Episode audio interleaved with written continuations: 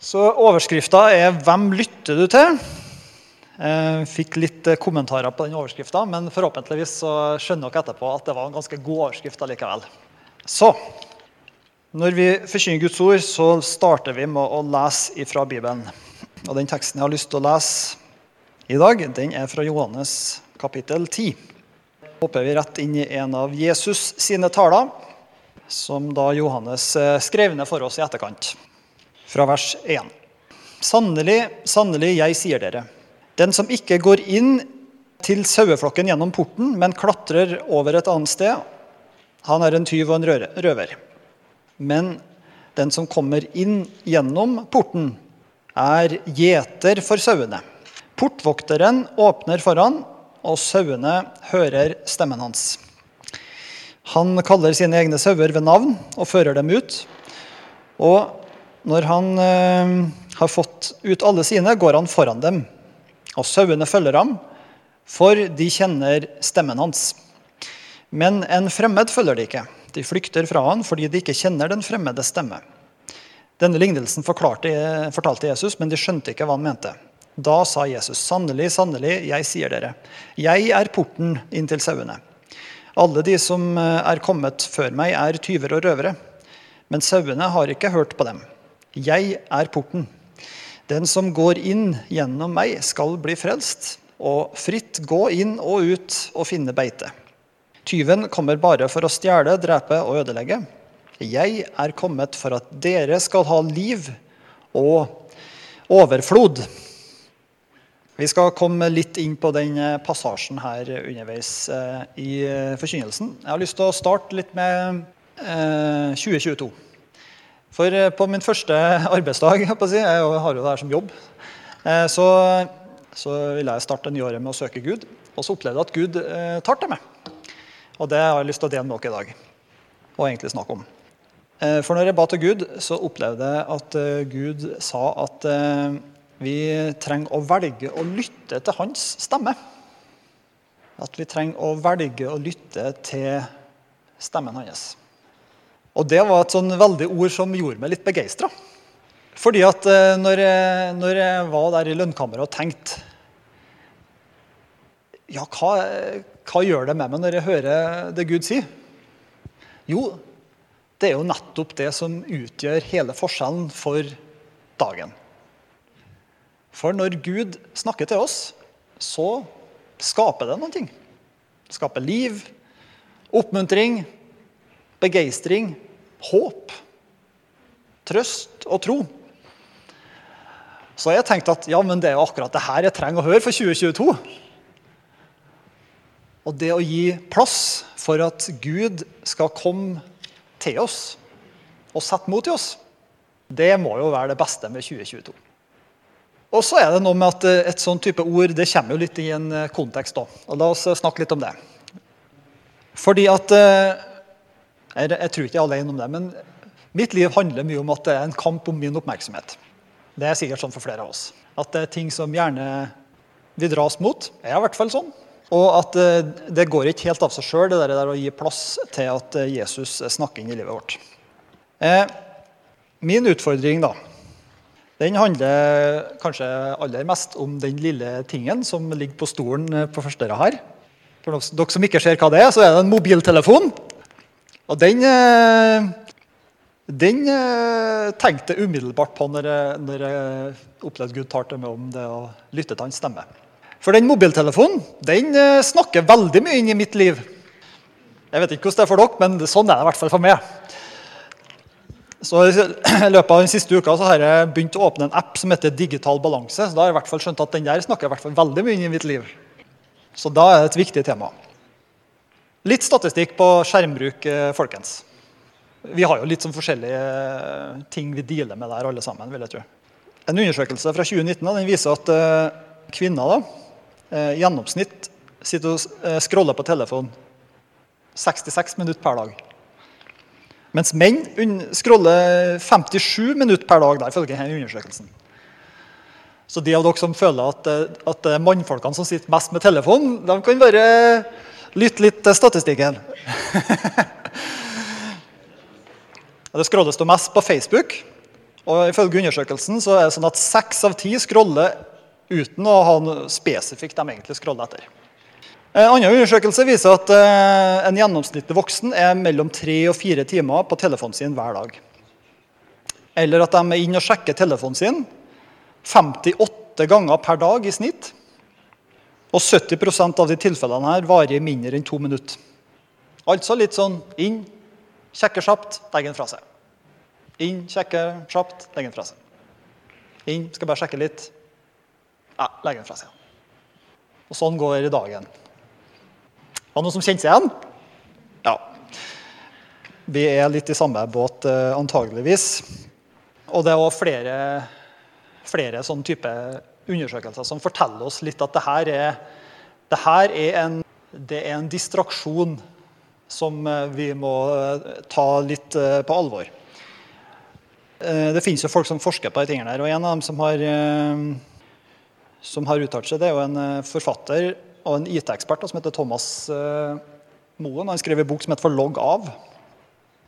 Hans historie er jo at han, han var også i det denne veldig avhengigheten av telefonen sin. Helt til han begynte å gjøre undersøkelser på å sette seg litt mer inn i ting. Han er jo IT-gründer. Hvor han kom til det punktet at han måtte ta skikkelig grep i livet sitt fordi han skjønte at han var for avhengig av den. Han sier at eh, smarttelefonen er designa for at vi skal bli avhengig av den. Og Varslingene er ikke bare til for vår egen del, men de er til for at, skal, at vi skal holde den mest mulig, at vi skal ta på den og blir mest mulig glad i telefonen. My precious. Hører hun rope? Jeg hører hun rope hele dagen. Bare spør Tone. Hun er antageligvis sannhetsvitne på at jeg har mine utfordringer med telefonen. My precious. Og det, um, og Det er klart, det er jo, litt sånn rystende å, finne ut at det her er gjort med overlegg. At industrien lager telefon for at vi skal bli mest mulig avhengig av den. Og apper, ikke minst. Jeg må jo si at Av og til så tar jeg meg sjøl i at eh, jeg må bare inn og sjekke om det er noen nye varsel på Facebook. Jeg har skrudd av varslingene, men jeg går inn og sjekker likevel. For kanskje det, Og så er det litt sånn Oi, det var et varsel. Og så var det Sennep har fått x antall visninger i løpet av en uke. her. Å, ja. Men vi har noe teknologi som på en måte drar oss litt inn, og som gjerne vil at vi skal bruke mest mulig tid på det. Så det er ikke en nøytral grunn, men det, men det er der vi er. Og så er det sånn at det er litt forskjellig hva som er utfordringene for oss. da. En annen ting som kanskje òg Når vi er inne på dette med alt det som gjerne roper på oppmerksomheten vår, for det gjør telefonen. En annen ting som òg roper på oppmerksomheten vår, det handler mye om nyheter. Folk har litt sånn forskjellige preferanser rundt når det gjelder nyheter. Noen bryr seg ikke så mye om nyheter. Andre, sånn som jeg, uh, liker å lese nyheter. Så når jeg inne og sjekker hvilke apper jeg bruker mest tid på, så er det som regel kanskje nyheter som jeg, har, uh, som jeg er mest innpå sjøl. Og hva er det du møter når du er i nyhetsbildet? Jo, her har dere et utsnitt fra hva som har vært på overskriftene de siste ukene. Oslofjorden er i krise, og nye utfordringer er i vente. Ukraina-krisa, Nato sender krigsskip og jagerfly. Strømkrise i idretten, slakter regjeringa. Vannmangel, er det vår neste krise? Dobbeltkrise for oljemilliardærene til fly. Krise for sjøkuene i Florida. Den krisa var ganske sikkert ikke klar over, men nå vet dere om den. Det er krise der òg. Saudi-arabisk superliga lokkes med store penger. Helt krise. Det gjelder golf. Bare vent, de kommer og tar alle idrettene. Da blir det krise. Mener fastlegekrisen i Norge aldri har vært verre. Og hvis vi glemte noen kriser, så står det 'Verdens glemte kriser havner i skyggen av oppslag om hjemmekontor, OL og prins Harry'. Så Støre og Vedum de sier sannelig det er bra å være kamerater i krise. Du ser det på ansiktsuttrykket. Det er sannelig bra å være kamerater i krise.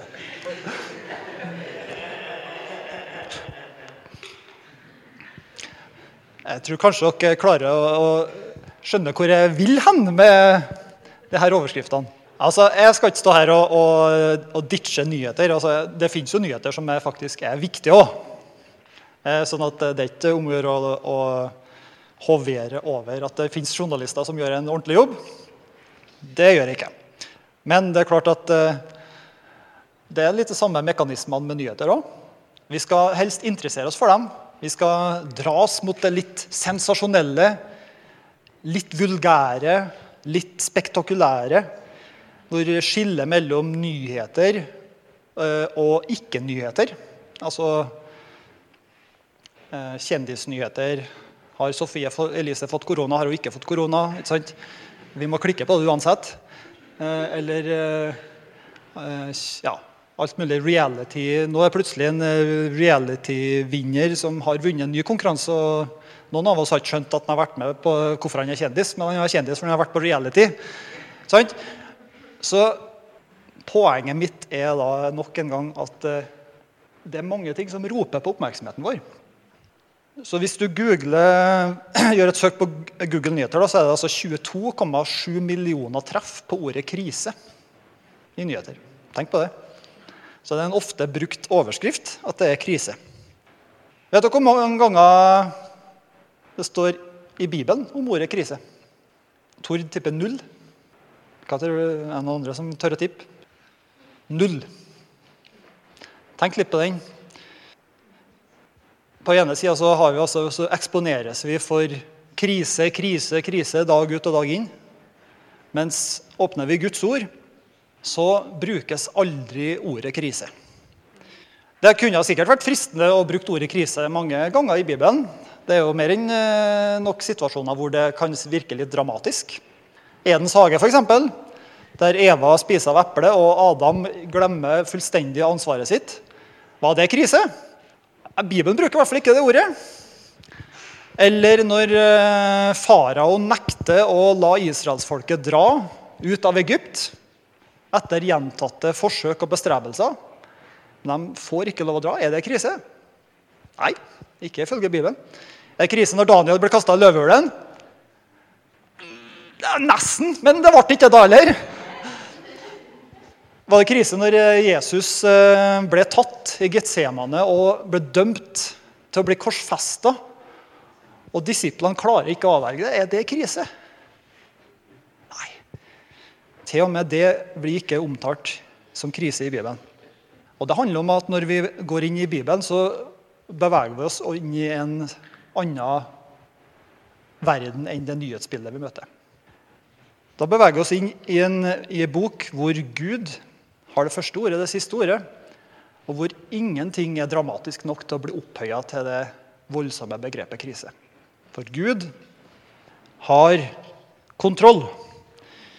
Og det gjelder til og med når det er høye strømpriser og når det er korona. Så det, kan det være dramatisk. Men Gud blir ikke vippa av pinnen av verken den ene eller den andre.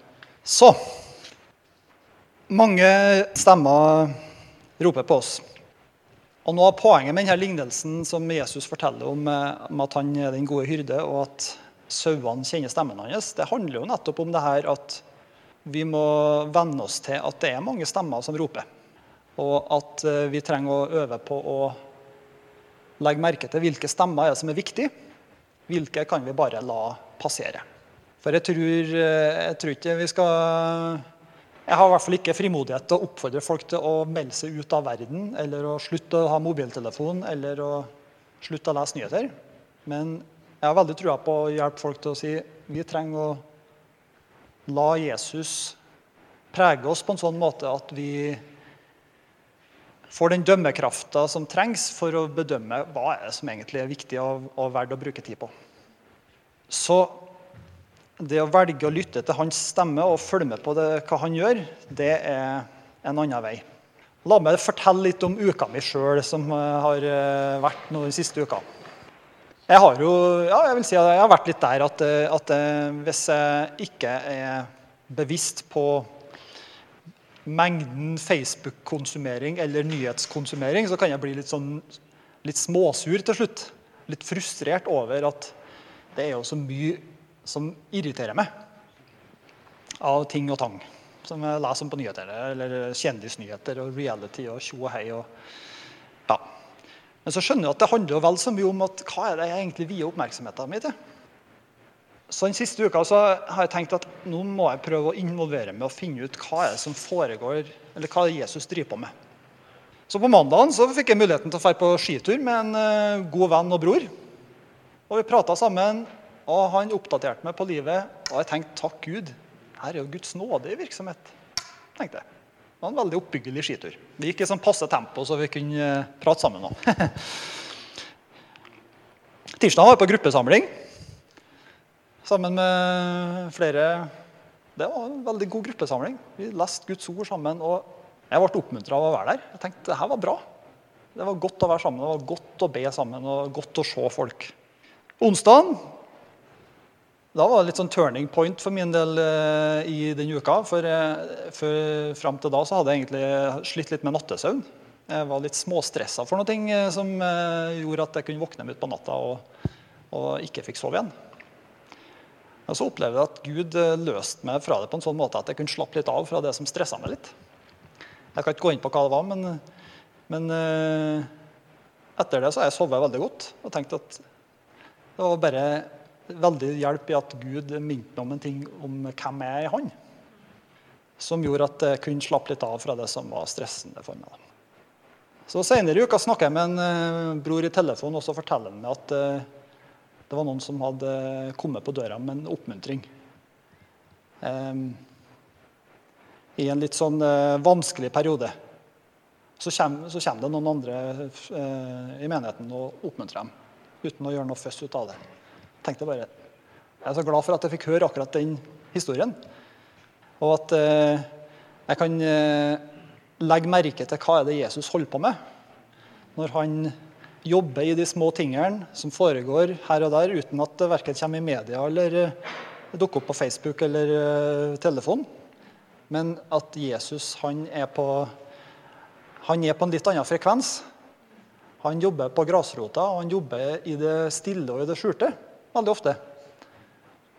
Og det å bare være i berøring med folk og kunne legge merke til hva er det du driver på med, Jesus, det gjør at, eh, at det blir litt annet Det blir rett og slett noe annet bare, når du klarer å legge merke til hva er det Jesus egentlig driver på med denne uka her. Så det er fantastisk. Og Det er veldig mange fantastiske ting som Jesus sier i det verset her eh, fra Johannes 10. da. Eh, bildet her er jo eh, at vi, Han bruker bildet med geiter og sauer. og at de, Ifølge bibelkommentarer så var det vanlig at sauene ble plassert i innhegninger over kvelden og natta. At de ble sluppet ut igjen dagen etterpå. Så det er derfor det står om å gå inn og ut. Blant annet. At vi skal bli frelst og gå inn og ut og finne beite. står det. Og at Jesus er porten og sånn. da. Så står det at Jesus kaller sine egne sauer ved navn og fører dem ut. Og når han har fått ut alle sine, går han foran dem, og sauene følger ham fordi de kjenner stemmen hans. Så det er jo fantastisk. En ting er at Jesus kaller oss ved navn. Det, det, er en sånn ting som er utrolig dyrebart å tenke på. At Jesus eh, ser hver enkelt av oss og kaller oss ved navn. Og så tar han oss og leder oss. Og så ser du at eh, Ved å være sammen med Jesus så blir vi så kjent med han at vi kan eh, kjenne igjen stemmen hans og skille den fra fremmede stemmer. Og Det er en sånn ting som jeg tror er ekstra viktig for oss. da. Jeg husker selv når jeg var rundt 20 år, så var jeg ikke der. Jeg var ikke i stand til å bedømme hva som var hva. Så da var det f.eks. ved et tilfelle at jeg ble skikkelig lurt av noen som hadde lært seg de kristne kodene, men som var bare ute etter å lure folk. det var en nyttig lærepenge for unge Arne Olavrød. men eh, når en kommer til det punktet at du, at du har eh, lest Guds ord og vært så mye sammen med, med, Gud og med andre kristne og fått bryna deg litt og, og lært litt ting, så er det på en måte ikke et så sårbart bytte for, eh, for ting. Fordi at eh, verden kommer til å være konstant et sted hvor det dukker opp problemstillinger, spørsmål, ting som blir sagt, ting som har en fin innpakning, og som høres eh, tilforlatelig ut, men som egentlig en må være litt uh, ja, på vakt mot, da, kan du si. For å gi et litt sånn eksempel fra, fra ting nå, da så vil jo f.eks. hvis vi hopper til Ukraina og Russland Nå har jeg lest i nyhetene igjen.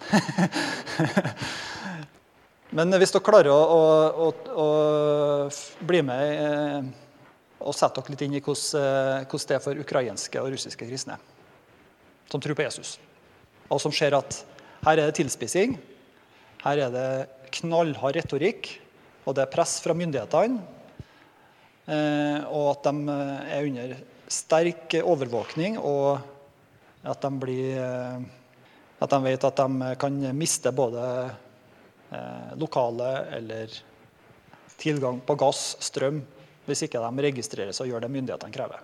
På begge sider. Så på ene sida har du et press om at de eh, skal ta avstand fra den andre parten. Og så har du et press på at her er det, nå er det krig, vi må velge side.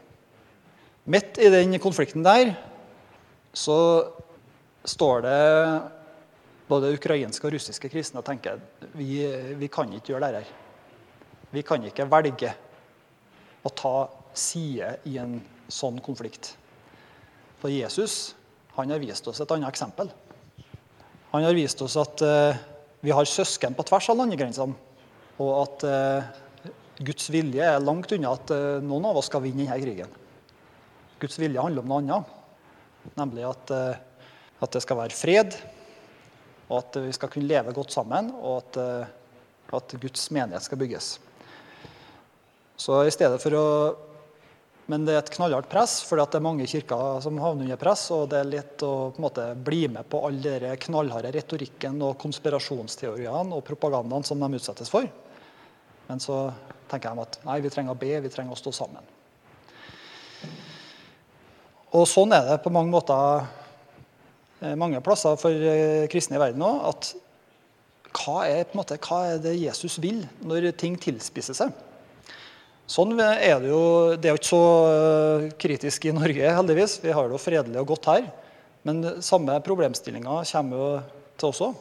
Hva gjør vi når vi hører konspirasjonsteorier, ting som høres tilforlatelig ut, men som egentlig òg skurrer litt fordi at det er med å skape splittelse eller fokus på noe helt annet enn det Jesus og det han gjør. Men nettopp der så tror jeg vi trenger bare å klare å gjenkjenne Jesus' stemme og fylle oss med Han. Jeg skal avslutte med å lese en tekst.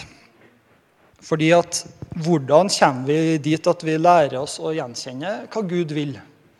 Og lytte til hans stemme og kunne vandre med han hele veien. Jeg har lyst til å lese en tekst som eh, eh, Håvard faktisk skrev om det med bibellesing. Det, fordi at det å lese i Bibelen det er på en måte mer enn bare en sånn daglig plikt.